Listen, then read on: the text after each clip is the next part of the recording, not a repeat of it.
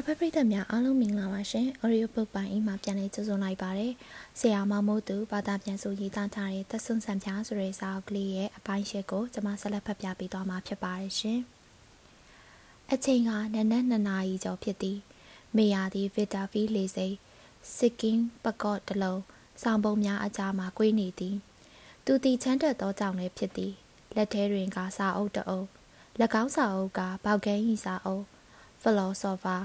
ဟိန်တဂျာဤအပီးဓမ္မအဖွင့်ကျမ်းတစ်ခုတကားဖွင့်ပြီးပေါက်ကန်းဝင်လာသည်မေယာကစိုက်မမလားပြန်ရောက်လာပြီ哦ပေါက်ကန်းကတန်ခမောက်ကိုချွတ်ရင်ဘလို့လဲကိုရင်ကကြုတ်ပြန်လာတော့အံ့ဩတလို့မီးနေပါသလားပေါက်ကန်းသည်ဆက်လက်၍မိုးကကိုချွတ်ပြီးကတင်အစွန်းပေါ်သို့ခြေပြစ်လက်ပြထိုင်ချလိုက်သည်ပြီးမှ secret တလိပ်ကိုထုတ်၍မီးညှိသည်မေယာသည်ပေါက်ကန်း၏လှုပ်ရှားမှုများကိုကြည့်ရင်ဘယ်နဲ့လဲအားလုံးအဆင်ပြေရဲ့လား။ อืมကျုပ်လန်းခီးကြီးမှာအနောက်ရှက်လုံနေလို့ပိုပိုတယောက်ကိုတော့ရှင်းပြခဲ့ရသေးတယ်။ဖះကြီးတိတ်ပူမနေပါနဲ့။ကျုပ်ကအဲ့ဒီငနေရောသူစီးတဲ့စိုက်ကဲပါရှင်တော်တဲ့ကိုတေချာမြုပ်ပစ်ခဲ့တယ်။ကံကောင်းထောက်မှရင်တော့အထက်အရာရှိတွေကဒီငနေနေဆက်ဖြတ်ပြေးပြီလို့ယူဆနိုင်ပါတယ်။မေယာသည်တပ်ပြင်းတစ်ချက်ချလိုက်ပြီးလေးနဲ့တော့အတန်နဲ့အင်းလေတခါတလေတော့ကျုပ်တို့တွေဟာပဒင်းပေါက်တွေကိုပိတ်ပြီးအမောင်ရောက်လာအောင်စောင့်နေရတာမျိုးတွေလည်းရှိတတ်တာပါလား ပေါက်ကန်းကရာစုနှစ်တစ်ခေတ်လောက်တုန်းကအဲလေကျုပ်အမှတ်မထားလိုက်နိုင်တော့တဲ့အတိတ်တစ်ခုတုန်းကကျုပ်လည်း18နှစ်သားလောက်ရှိနေပြီညနေညနေကပွဲအမြဲသွားတယ်လေတီဝိုင်းကမောင်ရင်ကြိုက်တဲ့တချင်းမျိုးကိုအမြဲတီးတယ်ဂျူလီယက်မောင်ရင်နားထောင်ရတာသဘောကျမှာပဲခမဘာရီကိုဆိုလိုတာတော့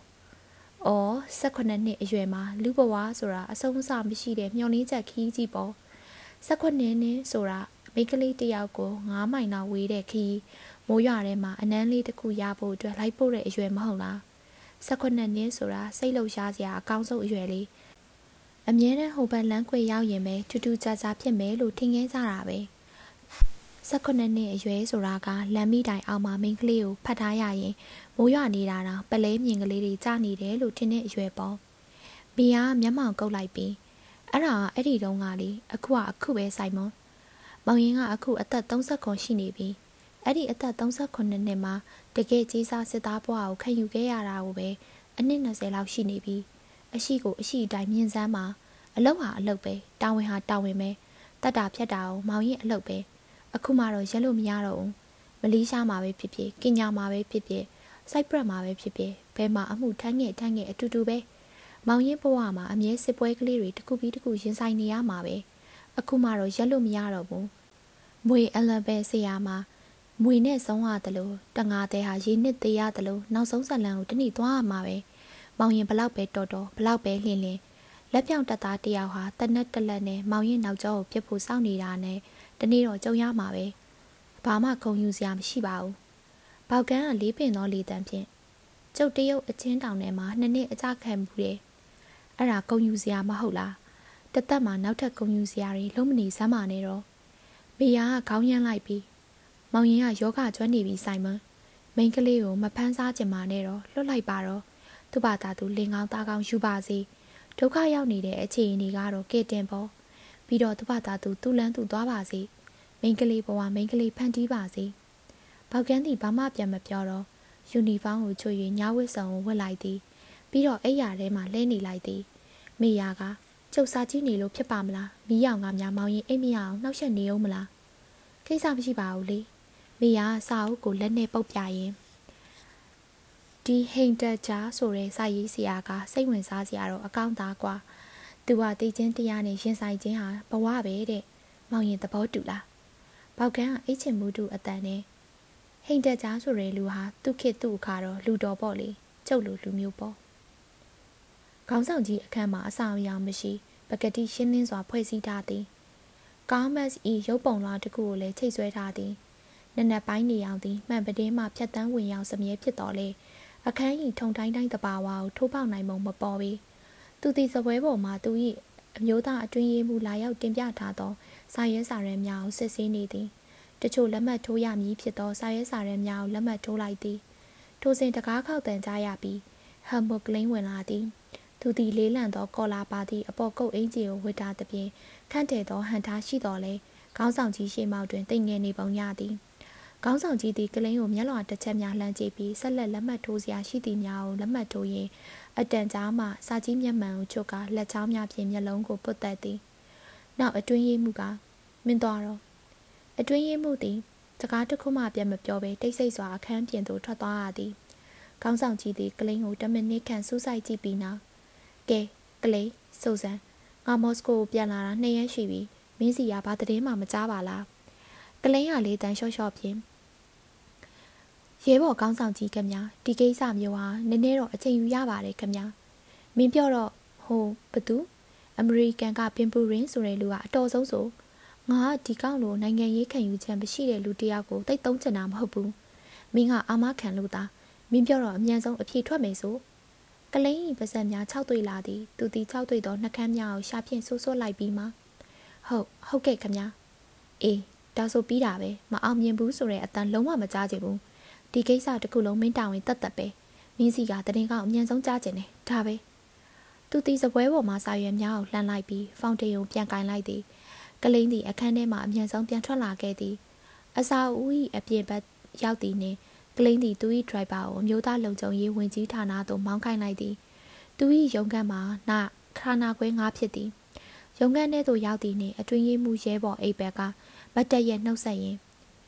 Good morning ကနော် library ရုံးခန်းကဖုန်းဆက်ပါတယ်။ကလိန်းတီသူ့စပွဲမှာဝင်ထိုင်လိုက်သည်။အေးအဲ့ဒါတွေဘေးချိတ်ထားလိုက်စမ်းပါ။ငါ့ကိုနောက်စတက်ရဲတိုက်ကကပတိန်ဆက်စပန်စီကိုဖုန်းဆက်ပေးစမ်း။အတွင်းရေးမှုရဲဘော်မှသည်အခန်းပြင်သို့ထွက်သွားသည်။ ခဏအကြာစပွဲပေါ်မှာတယ်လီဖုန်းကမြည်လာသည်။ကောက်ကင်လိုက်သောအခါဆက်စပန်၏အတန်ပေါ်လာသည်။ဆက်စပန်စကားပြောနေပါတယ်။ဟေ့ကောင်ဆက်စပန်လားငါပါကလိန်းပါအဲ့ဒီမှာအခြေအနေဘယ်ရောက်နေပြီလဲအခြေအနေမှန်ကိုပြောစမ်းပါကျွန်တော်ထင်မြင်ချက်ကိုပြောရမယ်ဆိုရင်တော့တိတ်မကောင်းလာဘူးရဲဘော်ကနန်းစကားပြောနေကြတာကြီးပဲ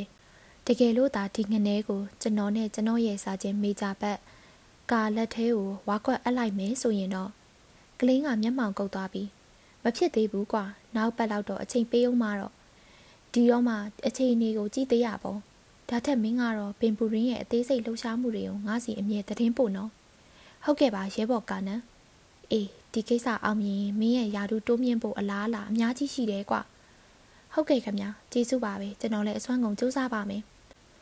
အော်ဒါထက်ဟိုဟမ်မန်ဆိုတဲ့ဖုန်ကြီးလည်းအဲ့ဒီဘက်ကိုတပတ်ခါရောက်လာလိမ့်မယ်ဒီဖုန်ကြီးရဲ့လှုပ်ရှားမှုတွေလည်းငါသိကျင်တယ် ငါစီကိုအချိန်မီဖုန်းဆက်ဖို့ငါပေးထားတဲ့ဖုန်းနံပါတ်ကိုရှိတယ်မဟုတ်လားအေးညာရုံးခန်းမှာငါမရှိရင်အဲ့ဒီကိုဖုန်းဆက်ဒါပဲကဲငါ့ကိုပင်ပူရင်းနဲ့ဖုန်းဆက်သွယ်ပေးစမ်းပင်ပူရင်းသည်ရူလီဘာနှင့်အတူဖုံးတော်ကြီးကောင်းလင်းနှင့်နောက်ဆုံးဆင်ပေးပြောဆိုခဲ့ကြသောစာရေးစာရဲများကိုစစ်ဆေးနေသည်ထိုအချိန်၌ဖုန်းတန်ကမြည်လာသည်ပင်ပူရီသည်ဖုန်းကောက်ကန်လိုက်သည်ဟိုဘက်မှကလိန်း၏အတန်သည်ထွက်ပေါ်လာသည်ဟယ်လိုဟယ်ရီ ခမားစီကတရင်မကြတာ၃နှစ်ရက်တောင်ရှိနေပြီအချိန်နေရီရောတိုးတက်ရဲ့လားပင်ပူရင်းကအဆင်ပြေပါတယ်ကျုပ်လည်းတိုးတက်အောင်လုပ်နေပါတယ်ကောင်းတာပေါ့ကျုပ်လည်းအခုပဲတခြားကိစ္စတစ်ခုနဲ့ရဲဘော်ကောင်းဆောင်ကြီးကိုတွေ့ခဲ့တယ်။ "तू ကကောင်းလင်းရဲ့အခြေအနေကိုမေးတယ်လေ။ तू ကမကြခင်လိုချင်တဲ့အခြေအနေကောင်းရမယ်လို့မျှော်လင့်ထားတယ်လို့ပြောတယ်။တကယ်လို့ကောင်းလင်းကိုသာရုံးတင်စစ်ဆေးနိုင်တဲ့အချိန်နဲ့အမေရိကန်သမ္မတဘာလင်ကိုရမယ်အချိန်နဲ့အချိန်တိုက်ဆိုင်နိုင်ရင်တော့တိတ်ကောင်းမှာပဲ။ ဒီတော့အခြေအနေအားလုံးကိုအသင့်ပြင်ဆင်ထားဖို့လိုပြီမဟုတ်လား။ဟုတ်ပါပြီ။ကျုပ်နားလည်ပါပြီ။ကျုပ်အဲ့ဒီကိုလာရင်အကူအညီများပေးနိုင်မလားပဲ။မလိုပါဘူး။လာလို့ဘာကြောင်းမှထူးမှာမဟုတ်ဘူး။ပင်ပူရင်းကအမြန်အတက်ဖြေလိုက်သည်။ပြီးမှဆက်၍စစ်စည်းရေးမှုတစ်ခုလုံးရဲ့နီးပရိရဲ့ဟာကောင်းလင်းဟာကျုပ်အပေါ်မှာမှုမိခိုမှုလုံးလုံးရှိနေဖို့လိုတယ်လေဒါကြောင့်လေကျုံနဲ့သူရဲ့နှစ်ယောက်ကြားမှာဘယ်သူမှမရှိရအောင်သူ့အခန်းကိုဘယ်သူမှဝင်ခွင့်မပေးတာပေါ့ ဟုတ်ပြီလေဟယ်ရီဒါပေမဲ့ကျုပ်ကအချိန်တစ်ပတ်ပဲပြီးနိုင်မှာနော်ဟမ်တပတ်ဟုတ်လားမဖြစ်နိုင်တာပဲမဖြစ်နိုင်တာတွေလုံးမနေနဲ့ဒါကောင်းဆောင်ကြီးရဲ့အမိတ်ပဲတစ်ဖက်မှာတယ်လီဖုန်းခွက်ချထားလေသည်ပင်ပူရင်းသည်တယ်လီဖုန်းခွက်ကိုပကတ်ပေါ်ပြန်တင်လိုက်သည်သူသည်မျက်မှောင်ကုံကိုထိုင်နေရင်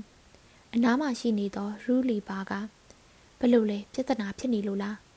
မဟုတ်ပါဘူးအချိန်ကြီးကကျုပ်တို့ခတ်သွက်တက်လေးလောက်ကြဖို့ပဲရှိတာပါဒါပါပဲ ပင်ပူရင်းသည်မတက်ရက်လိုက်သည်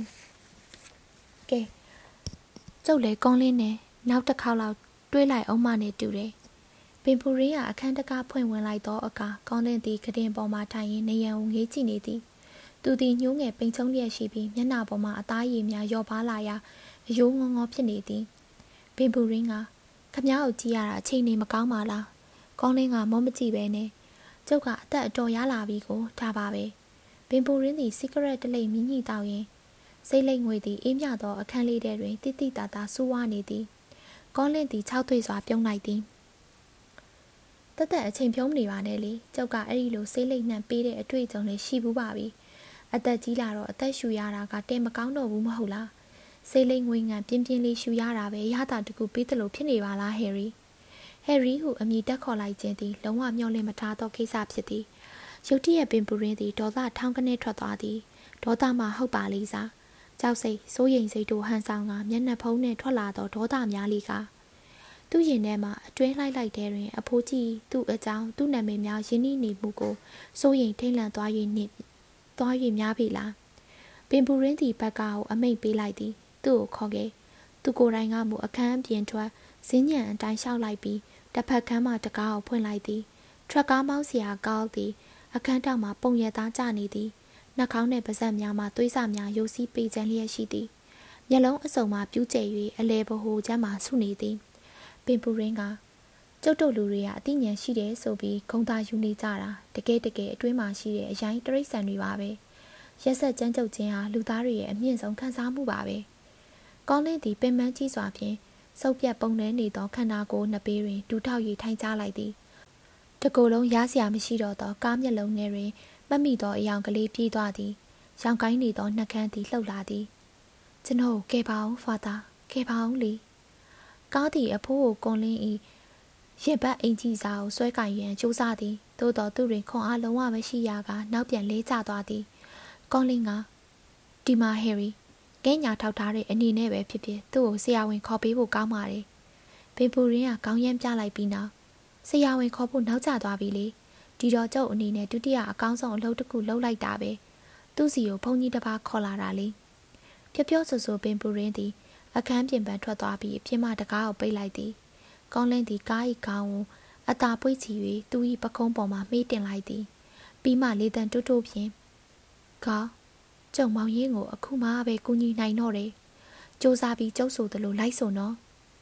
အိုးအဖဖရားသခင် သင်ဟာအလွန်ကြီးမြတ်သူဖြစ်ပါတယ်အခန်းဆက်နှင့်ရိုမန်နိုသာသနာသတင်းစာသည်ကမ္ဘာရှိကြဆုံးသတင်းစာတစ်စောင်ဖြစ်သည်သာသနာပြုလောကအတွင်းသာဖြန့်ချီသည်မဟုတ်ပဲအပတ်စဉ်အထူးအင်္ဂလိပ်ဘာသာပြင်သစ်ဘာသာစပိန်ဘာသာပေါ်တူဂီဘာသာတို့ဖြင့်အားလုံးဖြန့်ချီထုတ်ဝေခြင်းဖြစ်သည်ထိုသတင်းစာ၏အက်ဒီတာအဖွဲ့ဝင်များသည်သူတို့သတင်းစာသည်ကဘာဖြစ်ရဲ့သတင်းဆောင်ကိုအချိန်မီသတင်းဟုအသတင်းထုအဖြစ်ထည့်သွင်းဖော်ပြသည်ဟု ဂုဏ်ယူကြတော်လဲအဓိကအားဖြင့်ရိုမန်ကက်သလစ်ဘာသာရေးသတင်းများကိုသာဖော်ပြထည့်သွင်းခြင်းကအငင်းပွားဖွယ်ရာမရှိပေထို့ကြောင့်လည်းဗုဒ္ဓဟူးနေ့မနက်ပိုင်းဂျာမန်သတင်းတောက်ထံမှအောက်ပါသတင်းကိုသတင်းလက်ခံသူကတာဝန်ခံအက်ဒီတာထံသို့အမြန်ဆုံးယူသွားပေးပို့ခြင်းဖြစ်ပေသည်အက်ဒီတာကဒီသတင်းဘယ်ကဝင်လာတာတော့အနောက်ဂျာမနီကပဲသတင်းကအမှန်လို့ယုံကြည်သလားဟင်မပြောတတ်ဘူးလေအမှန်ဆိုရင်တော့တကယ်အရေးပါတဲ့သတင်းပဲ ထားခဲ့လေသတင်းနဲ့ပတ်သက်ပြီးဘသူနဲမှတိတ်ပြောလို့ကောင်းတာမဟုတ်ဘူးသတင်းယူလာသူသည်အပြင်ထွက်သွားသည်တာဝန်ခံအက်ဒီတာမန်စီနီသည်ခဏမျှတွေးပြီးစဉ်းစားနေလိုက်သည်ပြီးမှတယ်လီဖုန်းကွက်ကိုမလိုက်ပြီးသူ၏အတွင်းရေးမှုအားအထွေထွေတာဝန်ခံဘရာသာတန်ဖုန်းဆက်ပေးရန်တောင်းဆိုလိုက်သည်လူပေါင်း6သိန်းကျော်မကြုံစဘူးများပြားလာသောပရိသတ်အပေါင်းသည်ပုပ်ယဟန်မင်းကြီး၏စာပနာကိုဂါရဝပြုဖို့ရောက်နေကြသည်ယဟန်မင်းကြီး၏အလောင်းသည် စိန့်ပီတာဖျားကျောင်းတွင်နောက်ဆုံးအကြိမ်ဖြင့်၃ရက်တိုင်တိုင်အပူဇော်ခံထားခြင်းကြောင့်ဖြစ်သည်အီတလီသမ္မတကြီးနှင့်သူ၏ဝင်ကြီးတစ်ဖွဲ့လုံး55နိုင်ငံမှတန်တမန်များနှင့်သူတို့၏မိသားစုများနှင့်အတူဂါရဝလာပြုကြသည်နောက်ဆုံးအလောင်းတော်ကိုယဟန်မင်းကြီး၏အလိုအတိုင်းစိတ်ပီတာဖះเจ้าတင်းချိုင်းကူအတွင်တွင်မြုပ်နှံတင်းချိုလိုက်လေသည်ဘရာသာပါဆယ်လီအတွက်ကအလုံးအများဆုံးချိန်မီဖြစ်သည်ကဘာတဝမ်းလုံးရှိဖះเจ้าအသီးသီးမှတာဝန်ခံများသည်အလျူလျူရောက်ရ မစေတသေးသေးဖြစ်နေသည်အစည်းအဝေးပေါင်းစုံကျင်းပရန်စီစဉ်နေသည်အစည်းအဝေးများစွာကိုလည်းတက်နေရသည်လုံခြုံရေးကိစ္စများကလည်းထွေပြားအလုပ်များလာပေသည် policy အသစ်အသစ်များချမှတ်ဖို့လည်းလိုအပ်နေပေသည်ပါဆယ်လီသည်တကားခောက်၍ဝင်လာသောအခါထွေထွေတာဝန်ခံပရာသာသည်ပဒင်းပေါက်နှစ်ပေးမှရက်နေသည် သူသည်ခြေတံကြားသည်နှင့်အနောက်သို့လှည့်လိုက်ပြီးအေးမင်းမလားအခုပဲမန်စီနီကဖုန်းဆက်လာတယ် သတင်းစာထဲမှာကောလင်းသတင်းကတစွန်းတစပါတဲ့ဟုတ်ကဲ့သတင်းတို့တပုတ်အနေနဲ့ဘာလင်သတင်းတောက်ကအတိမပြုတ်ရသေးတဲ့သတင်းအရာကောလင်းတယောက်ပျောက်ဆုံးနေပြီးအရှိဂျာမနီတဲ့လက်ထဲရောက်သွားတယ်တဲ့အဲ့ဒီတော့မန်စီနီစီကဘာပြောတယ်လဲအဲ့ဒီသတင်းကိုမတုံးဖို့ပြောလိုက်ရတာပေါ့ပြီးတော့ကျွန်တော်ကဒီကိစ္စဟာထိတ်တန်းလွတ်ဝက်တဲ့ကိစ္စဖြစ်ကြောင်းပြောလိုက်တယ်သူလည်းသဘောတူသွားပါတယ်သူ့ကိုယုံကြည်စိတ်ချရပါတယ်ဒါပေမဲ့သူထောက်ပြတဲ့အချက်တစ်ခုကတော့တကယ်လို့ဒီသတင်းဟာ အခုလိုထွက်လာရုံမှန်ရင်တခြားသတင်းဌာနတွေကိုလည်းပေါက်ကြားသွားနိုင်နေတဲ့အဲ့ဒီကြရင်ကျွန်တော်တို့လည်းဘာမှတက်နိုင်မှာတားနိုင်မှာမဟုတ်ဘူးတဲ့လေအေးလေအချိန်ကြီးကတော့မကောင်းဘူးပေါ့ဒီလိုပဲအသေးဖွဲသတင်းအယိုပေါက်ကလေးတွေကစတာပဲလုံခြုံရေးကဘလို့လုံးလုံးစီလိုအပေါက်အစမျိုးဆိုတာတော့ရှိတာမျိုးပဲတခြားသတင်းဌာနတွေကိုလည်းကျုပ်ကြည့်စီစဉ်ထားပါတယ်ကျုပ်အနေနဲ့တခြားနေရာတွေမှာထိုက်တန်လောက်အောင်ပြောရေးဆိုခွင့်ရှိပါသေးတယ်ဟုတ်ပါပြီတနိုင်တလောက်ကြည့်လို့ပါ အဲ့ဒါတဲ့တခုတတိထားမိသလားဒီနေ့ဆိုရင်ဖာသာဟမ်မန်တယောက်နောင်စတက်ကိုထွက်သွားခွင့်ရမယ်နေပဲမဟုတ်လားအထွေထွေတာဝန်ခံပရာသာသည်စပွဲမှာဝင်ထိုင်လိုက်သည်ဟုတ်တယ်ကျုပ်တို့သူ့အတွက်ဆူတောင်းရုံပဲရှိကြတာပဲပေါ့ပါဆယ်လီကဟုတ်ပါတယ်ကျုပ်တို့ဆူတောင်းကြရမှာပေါ့ဘာလို့လဲဆိုတော့ဖာသာဟမ်မန်အတွက်ဆူတောင်းပေးဖို့ကတကယ်လို့အပ်နေတာကိုအရှိပါလင်ကက်သလစ်အတွင်းရေးမှုများယုံကားကိုယ်တော်ထဲတွင် ဖာသာအဲရစ်ဟမ်မန်သည် သူ၏အဝယ်စားတစ်တာကိုဘောက်ဆွဲကွန်ကားနောက်ထဲသို့ထည့်နေသည်ကားကိုယ်တော်မှာမိမိတ်မင်္ဂလေးသာလင်းနေသည်ကိုတော်ထဲတွင်ကားနှစ်စီးသာတွေ့ရသည်တစည်းမှာဆေးရုံသုံးလူနာတင်ကားဖြစ်သည်ဟမ်မန်ကလူနာတင်ကားသည်ဘာအတွက်များသုံးပါလဲဟုတွေးနေမိသည်ထိုစဉ်မော်တော်ဆိုင်ကယ်ဆက်တန်ကြရပြီးမကြမီရှေဖားတယောက်သည်သူ၏ BMW ဆိုင်ကယ်ကိုစီး၍ရောက်လာသည်ရှေဖားသည်ကိုယ်၏အရှိကိုဝစ်ထားပြီးအုတ်ထုံနှင့်ဆိုင်ကယ်စီးမျက်မှန်တက်ထားသည် သူသည် BMW နောက်ခုံတွင်အဝေးစားအိတ်တစ်လုံးကိုချီနှောင်ထားသည်သူသည်ဆိုင်ကယ်ကိုတောက်ထောက်လိုက်ပြီးဟမ်မန်းရှိရာသို့ရှောက်လာခဲ့သည်အနားရောက်မှမျက်မှန်မတင်လိုက်ကဘာဖြစ်လို့နှိကင်းရမသွားတာလဲဖာသာလင်းလင်းချင်းချင်းဆိုတော့ကောင်းတာပေါ့ကျုပ်ကမိုးချုပ်အမောင်ထဲမှာစိုက်ကယ်စီးရတာတိတ်သဘောကျတာမဟုတ်ဘူးဒီလိုလေးနေကင်းတော့ကျုံမှာရုံကိစ္စလေးတွေလှုပ်ရှားရှိနေလို့ပါဗျာဟမ်မန်းတီအလိုက်တင်ဖြေလိုက်ပြီးအမှန်အားဖြင့်သူ့နိုင်ဘာရုံကိစ္စမှလှုပ်ရှားမရှိပေ သို့တော်သူ့ကိုဘတ်စကိုကညွှန်ကြားချက်အတိုင်းည၈နာရီမှယခုကဲ့သို့ထွက်သွားရန်စီစဉ်ရခြင်းဖြစ်သည်ဘတ်စကိုကဤသို့ပါကြောင့်ည၈နာရီမှထွက်ရမည်ဆိုသည်ကိုကအကြောင်းပြခြင်းမရှိခဲ့ပေရှေဖားသည်ဘာမှအရေးမကြီးဟန်ဖြင့်ကဲဒါဆိုလဲသွားဖို့အချိန်တော်ပြီတင်တယ်ဖာသာဟမန်းကရှေဖာကြီးစိုက်ကယ်ကိုကြည့်ပြီးစိုက်ကယ်နဲ့လိုက်မလို့လားမဟုတ်တာပဲလာပါကျုပ်ကားနောက်ပေါ်တက်အေးတတ်တာလိုက်ခဲ့ရောပေါ့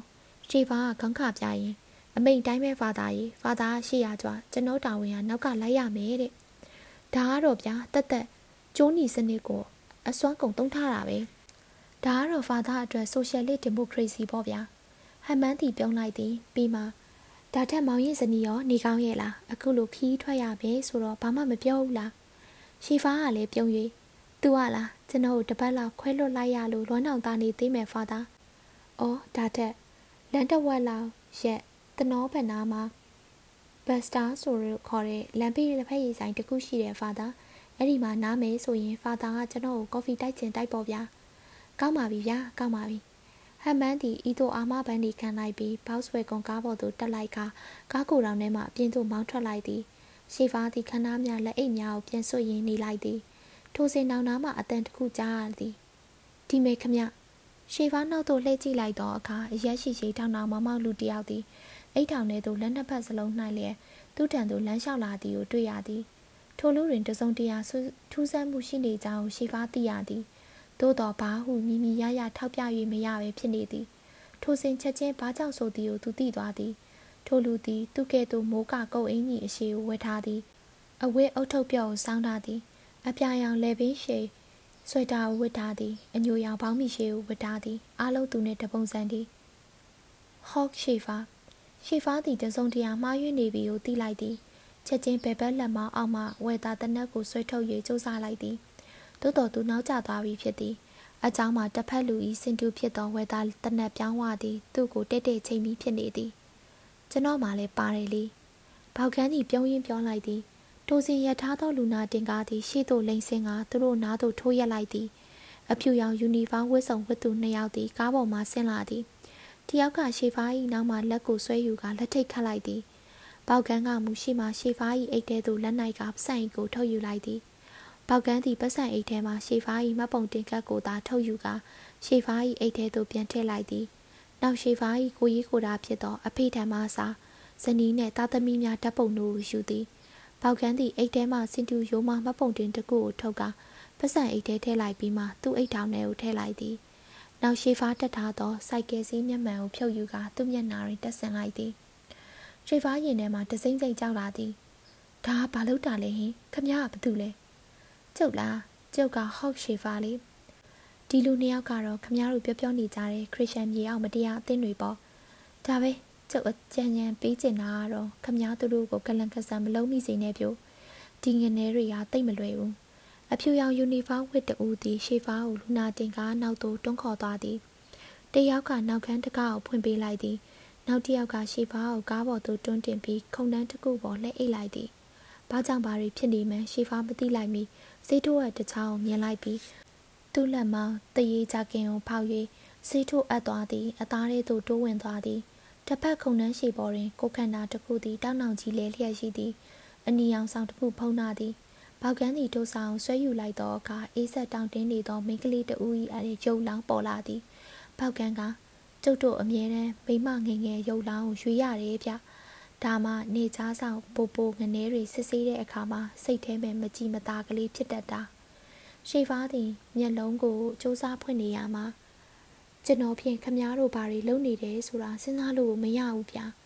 အာယူ၍ပြောလိုက်ရတော့လဲရှေဖာအားမရှိတော့ သူ့တကိုယ်လုံးမှာခဲဆွဲထားသလိုလေးလန့်စာပြုတ်နေပြီဖြစ်သည်ပေါက်ကန်းကအနောက်ဂျာမနီကိုခမားတို့ကူးကြမလို့လေဒီမိတ်ဆွေတွေမှာလိုအပ်တဲ့စာရဲစာနဲ့အတွေ့အပြည့်စုံပါတယ်လျှို့ဝှက်သောအဖုံးတစ်ခုသည်ကားနောက်ချိန်မှပွင့်လာသည်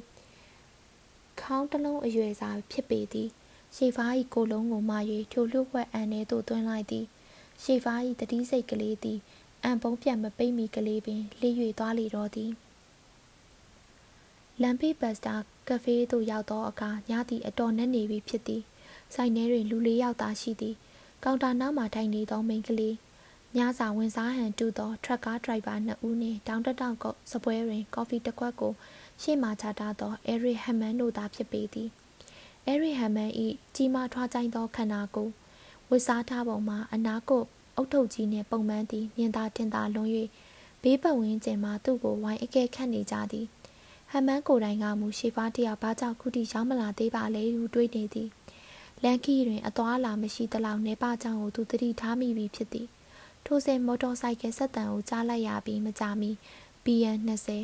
W ဆိုင်ကယ်တစ်စီးသည်ကားရဲ့နားရဲ့နေရာကိုထိုးဆိုင်ကသူ၏ဘောက်ဆွဲကုန်ကားနှစ်ပေမှရပ်လိုက်သည်ကိုမြင်ရသည်ဟမ်မန်သည်ကောင်တာနောက်မှမိန်ကလေးအားဖရော်လိန်နောက်ထပ်ကော်ဖီတစ်ခွက်လောက်ပေးပါအောင်ကွယ် ခဏအကြာဆိုင်တကားပွင့်လာ၍လူတယောက်ဝင်လာသည်ဟမ်မန်သည်ထိုလူကိုလှမ်းပြုံးပြလိုက်သည်သို့တော်သူ၏အပြုံးသည်တဝက်တစ်ပြက်၌ရပ်နာသွားသည်အเจ้าမှဆိုင်ထဲသို့ဝင်လာသောသူသည်အလွန်အံ့ဩစရာကောင်းနေသောဆိုင်မွန်ပေါကန်းဖြစ်နေသောကြောင့်ဖြစ်သည်ပေါကန်းသည်ခက်တီတီနှင့်ရှောက်လာကဟမ်မန်၏စပွဲမှထိုင်သည်သူ့အတွက်လာဖို့သောကော်ဖီခွက်တဲသို့တကြားတစုံခတ်ထည့်လိုက်သည်ဟမ်မန်သည်ကော်ဖီလာချသောမိန်းကလေးကောင်တာသို့ပြန်သွားအောင်ဆောင်ပြီးမှလေတံတိုးတိုးဖြင့် ခမဒီဒီမှာဘာလာလောက်တာလဲဟင်ပေါကန်းသည်သူ့အိတ်ထဲမှပတ်စံအိတ်ကိုထုတ်ယူကထိုထဲမှမှတ်ပုံတင်ကပြောင်းတစ်ခုကိုထုတ်ယူ၍ဟမန်ကလှမ်းပြလိုက်သည်ကျွန်တော်က Hawk Shaver လေးခမားနဲ့ရင်းနှီးခင်မင်းလာတဲ့အဆောက် SSD လူပေါ့ကပြားမှာတရားဝင် SSD တို့အတွက်ထုတ်ပေးထားသောကပြားမျိုးပင်ဖြစ်သည်သို့သောကပြားထဲမှတက်ပုံမှာရှေဖားဤပုံမဟုတ်ပဲပေါကန်းဤပုံဖြစ်နေသည်ဟမ်မန်သည်ကပြားကိုပေါကန်းတန်သို့ပြန်ပေးရင် ရှေဖားကောဗမာလဲရင်ခမတို့သူ့ကိုဘာလှုပ်လိုက်တလဲထိုချိန်လောက်နဲ့ဆိုရင်အနောက်ပါလင်လောက်ရောက်ရောပေါ့တလန်းလုံးစိန်နဲ့အိပ်ပျော်ပါသွားမှာပါအဲသူနိုးလာရင်တော့သူ့နှစ်ပေးမှာဘရူနိုတောင်စင်ကိုတွေ့ရပါလိမ့်မယ်ဟမ်မန်သည်မျက်နှာမှာတည်ငြိမ်၍နေသည်သို့သောမျက်လုံးထဲတွင်ဒေါသရိပ်များပြည့်နေသည်သူ၏ညာဘက်လက်သီးမှာတင်းစွာဆုပ်ထားနေမိသည်ခမည်းတော်ကျုပ်ကိုဘာဖြစ်လို့ကျုပ်တင်အတိမပေးထားရတာလဲဘောက်ကန်းကအေးဆေးစွာပင် ဘာဖြစ်လို့လဲဆိုတော့ကျုပ်တင်အတိပေးရင်ခမည်းကငင်းခုန်နေမယ်လို့ထင်ထားလို့ပေါ့အခုတော့မငင်းနိုင်တော့ဘူးလေခမည်းအတော်ဆိုးတဲ့လူပဲဘောက်ကန်းဘောက်ကန်းကသာသနာအရေးကိုဝတ်ထားတဲ့ပုဂ္ဂိုလ်တယောက်ကဒီလိုမပြောနဲ့လေဟမ်မန်းကတစုံတရာတွေ့လျက်ရှိပြီးမှကျုပ်နောက်စတက်ကိုရောက်ရင်ကျုပ်ဘသူဘဝဆိုတာသက်ဆိုင်ရာအာဏာပိုင်တွေကတည်သွားစီခြင်းနဲ့ဒါမှသူတို့တွေဟာကျုပ်အပေါ်မှာအာယုံစူးစိုက်ကြည့်နေကြလိမ့်မယ် ကျုပ်ကအဲ့ဒီလိုအာယုံပြောင်းဖို့အတွက်သုံးမယ်လို့ထင်ထားတာဗျပောက်ကန်းကဟုတ်ပါတယ်လေဒီလိုမျိုးခက်စင်စင်ပါပဲကဲပါဖာတာနဲ့ကျွန်တော်ကြားမှာညင်းနေကြမှာလားအေးစစ်စစ်ရှိနေမှာလားဟမန်းတီစိတ်လျှော့လိုက်ပြီးပြုံးလိုက်သည်ခုမှတော့ဘာတက်နိုင်တော့မှလဲဗျာဟမန်းတီထိုင်ရမှထိုင်၍ဆိုင်ထဲမှထွက်သွားလေသည်ဘောက်ကန်းသည်အရေးတပွဲနောက်မှကပ်ပါသွားလေသည် ညဆယ်နာရီကြော်ကြော်ခန့်တွင်ဟမန်းဤပေါဆွဲကွန်ကားသည်နောက်စတက်စားပွဲရုံရှိသို့ရောက်လာသည်ဆိုင်ရှိတွင်ပိုပိုစစ်ကားတစ်စီးရထားသည်ဟန်မန်သည်ခဏမြထိုင်ပြီးမှထိုင်ရမှတကသူ၏အဝတ်စားအိတ်ကိုယူသည်နောက်ဆောင်ဆိုင်ရှိပဝါသို့လျှောက်သွားသည်ဆိုင်တကားဝတွင်ခဏမြတွေ့ကရက်နေသည်နောက်မှဆိုင်ထဲဝင်လိုက်သည်ဂီတော်ဟာရစ်သည်ဘားကောင်တာနောက်တွင် secret နှင့်အတူရှိနေသည် ဟေးရစ်ဘက်ကနေရွာသား6ယောက်တို့သည်ဝိုင်းဖွဲ့ကဘီယာတောက်နေကြသည်ဟက်စဘန်နှင့်ဘက်ကာတို့သည်မိဖို့နှစ်ပေးစပွဲတွင်အသားဟင်းကွက်ကိုစီနှင့်စားတောက်နေကြသည်ဟမ်မန်းကိုစမြင်လိုက်သူမှာ secret ဖြစ်သည်သူမသည်တန်တော်ဖြစ်သွားကတစ်ချက်မြအသက်ရှူတုံသွားသည်ထိုစင်မှာပင်တခန်းလုံးသူများသည်ဟမ်မန်းကိုမြင်လိုက်ကြပြီးအလုံးငြိမ်သက်၍သွားတိုက်သည်ဟမ်မန်းသည်သူ၏လက်ဆွဲအိတ်ကိုချကဘာရှိရာသို့လျှောက်သွားသည်ခမည်းကဟာအာလစ်မဟုတ်လား ဒီကမြို့ဝင်ဆိုတာအာလစ်ကအံ့ဩမပြေသေးဟန်ဖြင့်ဟုတ်ဟုတ်ပါတယ်ဟမ်မန်းကကျုပ်နာမည်ဟမ်မန်းပါကျုပ်လာမယ်ဆိုတဲ့အကြောင်းကိုတော့သက်ဆိုင်ရာခမည်းကိုအကြောင်းကြားထားပြီးသားလို့ထင်ပါတယ်ကျုပ်ကဒီမှာရှိရဲ့ဘုရားရှိခိုးကြောင်းအခြေအနေကိုလေ့လာဖို့လာတာပါ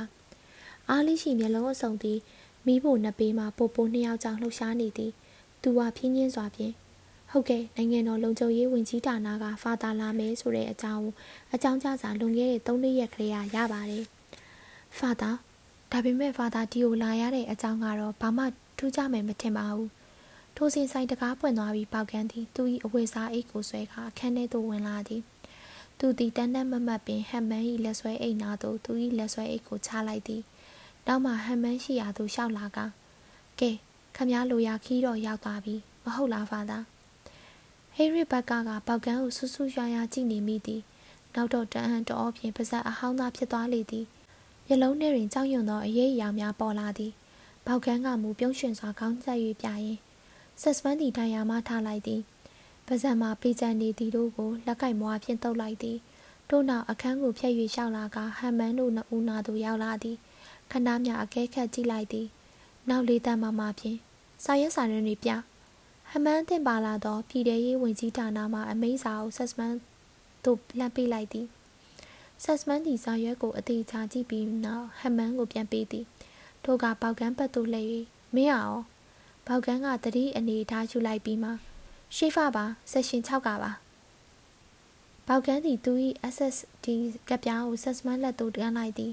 ဆက်စမန်သည်အသေးချာစီစစ်ကြည့်သည်ပြီးမှအော် မင်းကသူသွားလေရာနောက်တော့ပါလိုက်ရတဲ့သူကိုပေါကန်းကပြုံး၍အဲဒီလိုသဘောပဲဆိုပါတော့ဗျာဆက်စမန်သည်ပေါကန်း၏ကပ်ပြားကိုပြန်ပေးသည်ဟမ်မန်ကဆက်စမန်ကိုကြည့်၍ဒါတက်ခမကဒီဒေတာဆိုင်ရာစစ်ဘက်ကတာဝန်ခံပုဂ္ဂိုလ်မဟုတ်လားဆက်စမန်သည်ကောင်းခါပြရင်မဟုတ်ဘူးခမကဘာဖြစ်လို့မေးရလဲဟက်မန်ကအော်အထက်အမိန်ကကျုပ်ဒီရောက်ရောက်ချင်းသက်ဆိုင်ရာစစ်ဘက်တာဝန်ခံစီကိုတည်င်းပေးအကြောင်းကြားရမယ်ဆိုလိုပါ ဆက်စမန်တီခိတ္တတွေးဝေသွားသည်ခမားတွေ့ရမယ့်ပုံကခဏင်းညတော့အားမေမထင်ဘူးမနှက်ဖြန်ကြမှာနောက်ဆက်ရဲတိုက်ကိုလာပြီးတွေ့လေဆက်စမန်တီသူ၏ဇပွဲပေါ်သို့ပြန်သွားရောက်ထိုင်ကာနောက်အနားမှဘက်ကအားတစုံတရာတီးတိုးပြောလိုက်၍ဘက်ကသည်သဘောကျသွားပြီးအော်ရီလေသည်ဟက်မန်ကမူအာလစ်ဘက်သို့လှည့်၍ဒီမှာကျုပ်တဲခုဖို့အခမ်းများရနိုင်မလားဟာအာလစ်အားလစ်သည်ခေါင်းခပြရင်မရှိဘူးခမ ဟမ်မန်သည်ဘာမှမထူးကြဟန်ဖြင့်ဒါဆိုဖះရှိကိုကြောင်မှာဖုန်ကြီးနေတဲ့အိမ်တော်ရှိသေးတယ်မဟုတ်လားအားလစ်စီတတိယသွားဟန်ဖြင့်အဲရှိတော့ရှိတယ်ဒါပေမဲ့အိမ်ကမတုံးတာကြားလာပြီပဲကျုပ်စီမှာတော့တော့ရှိပါတယ်ဟမ်မန်သည်ခဏမြတွေးသွားပြီးဒါဆိုကျုပ်ကိုစောင်း3လေးတယ်လောက်တော့ပေးနိုင်မယ်ကောင်းပါရဲ့ဒါမှကျုပ်ကျုပ်နဲ့ဟာရှိဖာတို့ကြံဖန်အိပ်ရမှာလေ။အော်ဒါတက်ဟော်ရီကဟာရှိဖာအတွက်ခမားတို့အခန်းပေးနိုင်ရင်လည်းဖြစ်ပါတယ်။ အားလစ်စီဘာပြောရမှန်းမသိဖြစ်နေသည်ဘောက်ကန်ကပြုံးရွှင်စွာဝင်၍ဒီလိုပလုံးပါနဲ့လေကျွန်တော်ကခမရအောင်မျက်စိအောက်ကပျောက်ခံနိုင်တယ်သူမှမဟုတ်တာဖာသာအတူတူပဲတေးကြတာပေါ့အားလစ်စီတပ်ပြင်းတစ်ချက်ချလိုက်ပြီးကောင်းပြီလေခမရတို့ဖို့ဆောင်တွေနဲ့တော့ချုပ်သွားရှာလိုက်အောင်မယ်အားလစ်လက်ထရမီဟမ်မန်ကဒါထက်ဖះရှိကိုကြောင့်ကရောအဲ့ဒီတော့လေခမရစီမှာရှိတယ်မဟုတ်လားဒီတစ်ချိန်စကားဝင်ပြောသူမှာဆက်စမန်ဖြစ်သည် သူကဖះရှိကိုကြောင့်ကိုဖွင့်ဖို့မလိုဘူးလေဟမ်မန်သည်ဆက်စမန်ရှိရာသို့ဖြတ်ကနေလှည့်ကြည့်လိုက်သည်အားလေးစီအလင်းမြန်ပြီးချုပ်ဆောင်နေသွားယူလိုက်အောင်မယ်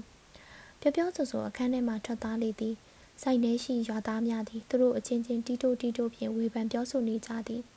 ဟမ်မန်နှင့်ပေါကန် သည်စပွဲတစ်လုံးမှထိုင်ချရင်အားလစ်လုံးစောင့်နေကြသည်စီကရစ်သည်ဘသူမှမမလိုက်ဘဲနှင့်ဘီယာနှစ်ခွက်ကိုယူကသူတို့စပွဲမှချပေးသည် မိန်းကလေးသည်ဂျာမန်ရိုးရဝစ်စုံကိုဝတ်ထားပြီးသူမ၏ပျော့ပြောင်းသောစပင်များကိုခေါင်းခေါင်းပေါ်တွင်ဆူဆီးထားသည်သူမသည်ဟမ်မန်ကိုတအံ့တော်ကြည့်နေသည်သူမ၏မျက်လုံးများတွင်ထူးခြားအံ့ဩရိပ်များပေါ်နေသည်ဟမ်မန်ကဘီယာခွက်ကိုကင်မြောက်ကကျေးဇူးပဲကလေးမကြီးမင်းရဲ့ကယူနာကြီးမားပါပေတယ်ထိုစဉ်ပကန်းသည်ရိမ့်ထိုး၍ထားလာသည်သူ့လက်ထဲတွင်ဘီယာတစ်ခွက်ကင်ထားသည်သူသည်ဘီယာခွက်ကိုလက်ဆတက်လိုက်ပြီး နောင်ဟမ်ဟမ်မန်ရှိရာသို့ရောက်လာသည်စပွဲနားမှမိုးရက်ပြီးဟမ်မန်ကိုကြည့်သည်ကာဝင်ဝစ်ထားတဲ့ယောက်ျားကြီးပါလားဟဲ့နောက်ထပ်ပါများထူးခြားအောင်မလဲမသိဘူးဘက်ကောင်သည်ပါးစပ်မှပြုတ်ခနဲ့အတန်ပြုတ်လိုက်ပြီးဟမ်မန်၏ပါကိုလက်ဖြင့်ပုတ်လိုက်သည်ဟမ်မန်သည်စက်ခနဲ့ဘကာ၏လက်ကဝစ်ကိုဖမ်းဆုပ်ကင်လိုက်သည်ဘကာ၏မျက်နှာပေါ်တွင်အပြုံးသည်ရုတ်တရက်ပျောက်သွားလေသည် နောက်ဘက်ကသည်ဒူးညွတ်ကခြေတစ်ဖက်ကိုဒူးထောက်၍ကျသွားလေသည်အကြောင်းမှာဟမ်မန်ကလက်ကဝစ်ကိုသူ့ခွန်အားကြီးနှင့်ဆွဲချပစ်လိုက်သောကြောင့်ဖြစ်သည်တို့နောက်ဟမ်မန်ကဘကာ၏လက်ကိုဆွဲလိုက်သောအခါဘကာကမထိန်နိုင်တော့ပဲနောက်သို့ပလက်လန်လဲကျသွားသည်ဘကာ၏အမျက်ကထောင်းကနေထွက်သွားကြောင်းထင်ရှားလာသည်သူသည်ကားထဲမှတနက်ကိုထုတ်၍လှမ်းလိုက်သည်ဘက်ကဆက်စမန်၏အော်တန်သည် တဆက်တည်းပေါ်လာသည်ဇက်တိုက်ပင်တော်ပြီလေစာချင်းမိကြဘက်သည်လဲကျသွားသည်ထိုအချိန်တွင်သူ့လက်သည်ဝယ်သားတနက်တင်ပေါ်သို့ရောက်နေပြီဖြစ်သည်ထိုအခါဆက်စမန်ကတင်းမာလာသောလေတံဖြင့်ဘက်ကတော်တော်လို့ငါပြောနေတယ်မဟုတ်လားဘက်ကသည်မကြင်မနှက်နှင့်သူစပွဲရှိရာသို့ပြန်သွားသည်ထိုစဉ်အားလစ်သည်စောင်းများနှင့်အတူရေနံစီမီးအိမ်ကိုယူ၍အခန်းထဲသို့ပြန်ရောက်လာသည်သူကကြပြခဲ့ရပင်ကဲလူချင်းမင်းတို့ကျုံနောက်လိုက်ခဲ့ကြဗျာ သူတို့သည်ဆိုင်ထဲမှထွက်သွားကြလေသည်ဖျားရှိကိုကြောင့်နဖေးမှာဖုန်ချိနေအိမ်သည်တစ်သားနှစ်ထပ်အိမ်ကလေးဖြစ်သည်တကားပေါက်များအားလုံးပိတ်ထားသည်ဟမ်မန်ကအာလင်းအားဒီအိမ်မှာတယောက်ယောက်ကိုပေးမနေခိုင်းတာအံ့ဩစရာပဲနော်အာနစ်ကနောက်ပြန်ကြည့်ရင်ဒီရွာမှာအိုးအိမ်အခက်အခဲပြဿနာမရှိဘူးလေဖာသာရဲ့ဒီဘက်ပိုင်းမှာတိနံဖွံ့ဖြိုးမှုကလည်းကျဆင်းလာတော့လူငယ်လူရွယ်တွေမှန်သမျှကဘာလင်ကစက်ရုံတွေမှာအလုပ်လုပ်ရရင် ပြောင်းသွားကြတာကများတာကိုအိမ်ကလျှက်စစ်မီးဖြတ်ထားတာကြပြီဒါကြောင့်ရေနံစီမီးခွက်ကိုကျုပ်ကယူလာခဲ့တာပါဒါပေမဲ့ရေတော့ရပါတယ်ဖာသာတို့နေဖို့အဆင်ပြေကောင်းပါရဲ့တက္ကမကြီးကိုဖွင့်လိုက်တော့အခါအိမ်ထဲကိုမြင်ရသည်တစ်သားလေးကတခုသည်အပေါ်တက်သို့တက်ရန်ရှိသည်အားလစ်သည်ဟမ်မန်နှင့်ပေါကန်အားမိဖို့ကြောင့်ဘက်သို့ခေါ်ပြသည်အထဲတွင်စပွဲတစ်လုံးနှင့်ကလတ်ထိုင်းများရှိကြသည်တန်မီးဖို့ကြီးတစ်ခုလည်းရှိသည်အားလစ်ကနောက်မီးဖို့ပေးမှာတစ်တုံးတွေရှိတယ် မီးဖို့ခြင်းရတယ်လေ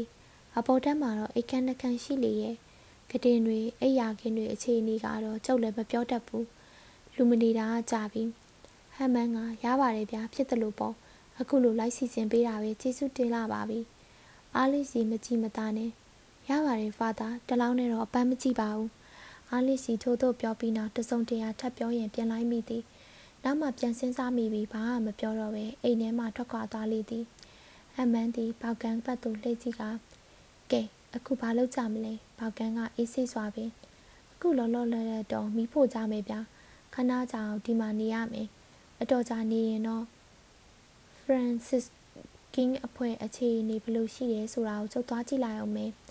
ဟမ်မန်ကစဉ်းစားပြီးကျုပ်လည်းလိုက်လို့မရဘူးလားလိုက်ချင်ရင်လိုက်ခဲ့လေဒါပေမဲ့တခုခုတော့အသေးချာမှတ်ထားပြီးတော့ကျုပ်တို့နှစ်ယောက်လုံးဒီဖွဲ့နဲ့ နေဆိုရင်ဝေးနိုင်သမျှဝေးဝေးမှနေကြမယ်သူတို့နဲ့ဆက်သွယ်ရှိတယ်ဆိုတာလုံးဝမသိစေရအောင်ဟမ်မန်ကကောင်းချင်းပြရင်ခမပြောသလိုပေါ့ဗျာပေါကန်းတီ secret တလိတ်ကိုမြင်းကြီးလိုက်ပြီးနောက်မှာစားပွဲယုံမှာတော့ငါဟိုနွားကြီးကိုခမလှုပ်လိုက်ကင်လိုက်ပုံကကျုပ်သဘောသိကြတယ်ဗျာခမားတို့တွေဒီလိုအကြံပတန်မလုတ်တန်ရဘူးလို့ကြုံအောင်မိနေတာဟမ်မန်းကပြုံးစီစီနေဖျားသခင်ရဲ့စစ်သားတွေပဲဗျာဘယ်ခေမလဲမဟုတ်ဘူးလားမိကြပေါကန် ပေါကန်ဒီဘာမှပြန်ပြောရမည်ကိုမသိဖြစ်သွားသည်ပေါကန်ကမိခွက်ကိုကောက်ကင်လိုက်ရင်ကဲဒါဆိုကျုံနောက်ပြီးချန်တွေကမိဖို့ဖို့ထင်းသွားရှာလိုက်အောင်မေချန်တကားပေါက်မှခေါင်းလောင်းတန်သည်အထင်းကျန်စွာမြည်လာသည်အချိန်အတန်ကြာသည့်အထိဘာမှမထူကြအတော်ကလေးကြာမှခြေတန်ကြရသည်နောက်ပြင်သို့ချောင်းကြီးပေါက်ဖွင့်တန်ကြရသည်အိုကြီးအိုမာဖြစ်နေသောပရာသာအာဗင်ကောင်းသည်ပြူထွက်ကြည့်လာသည်နောက်မှမင်းတုပ်ဖွင့်တန်ကိုကြားရသည်တကားပွင့်သွားလေသည် ပရာသာအာဗင်ကမိကြပါလားသူတို့ကြီးထဲမှာရှိကြတယ်အခြေအနေဘလို့လဲသိမ့်ကောင်းပေါကန်တကားဖွင့်လိုက်သည်နှင့်ချက်ချင်းတည်တာသည်မှာဆူးရသောအနံ့အသက်ပင်ဖြစ်သည်ကွန်ယန်နှင့်ဖလိုရင်းတို့သည်မြေများကိုတွန်းနေရင်းဖြစ်သည်သူတို့မျက်နှာပေါ်တွင်ပါးစပ်နှင့်နှာခေါင်းများကိုခွဲစိတ်စရာဝင်များလိုအဝိစများစီးကဖုံးနှကြသည်မိရောက်တဝက်တစ်ပြက်သာရှိသောကြီးတဲတွင်ထိုမြင်ကွင်းမှာထူးခြားစွာစိတ်နှောက်ယှက်ပေးသလိုဖြစ်နေသည် ကိုရက်သည်စကားပြောဖို့အချိန်ယူသလိုလုပ်ရင်းခေါ်ပြားကိုမြေမှာထောက်ကမလိုက်သည်သူ့အတန်မှာတစ်ဆိုးဆိုးဖြစ်နေသည်ပြန်ရောက်လာပြီကိုခြေနေတွေအလုံးကောင်းရဲ့လားပေါကန်အားလုံးချောချောမောမောပါပဲသူကတော့ဖာသာဟမ်မန်လီကိုရက်တီဟမ်မန်ဘတ်သို့လှည့်ကြည့်ပြီးခုနေတော့လက်ဆွဲမနှုတ်ဆက်ပြစီနဲ့ဗျာအချီနီရမှုပါဟမ်မန်တီဥမင်တူးနေတော့တွင်းထိတ်သို့တိုးသွားလေသည် သူမျက်နာမှာဖြူရောနေသည် သူကအထဲမှာအချီနီဆိုးသလား อืม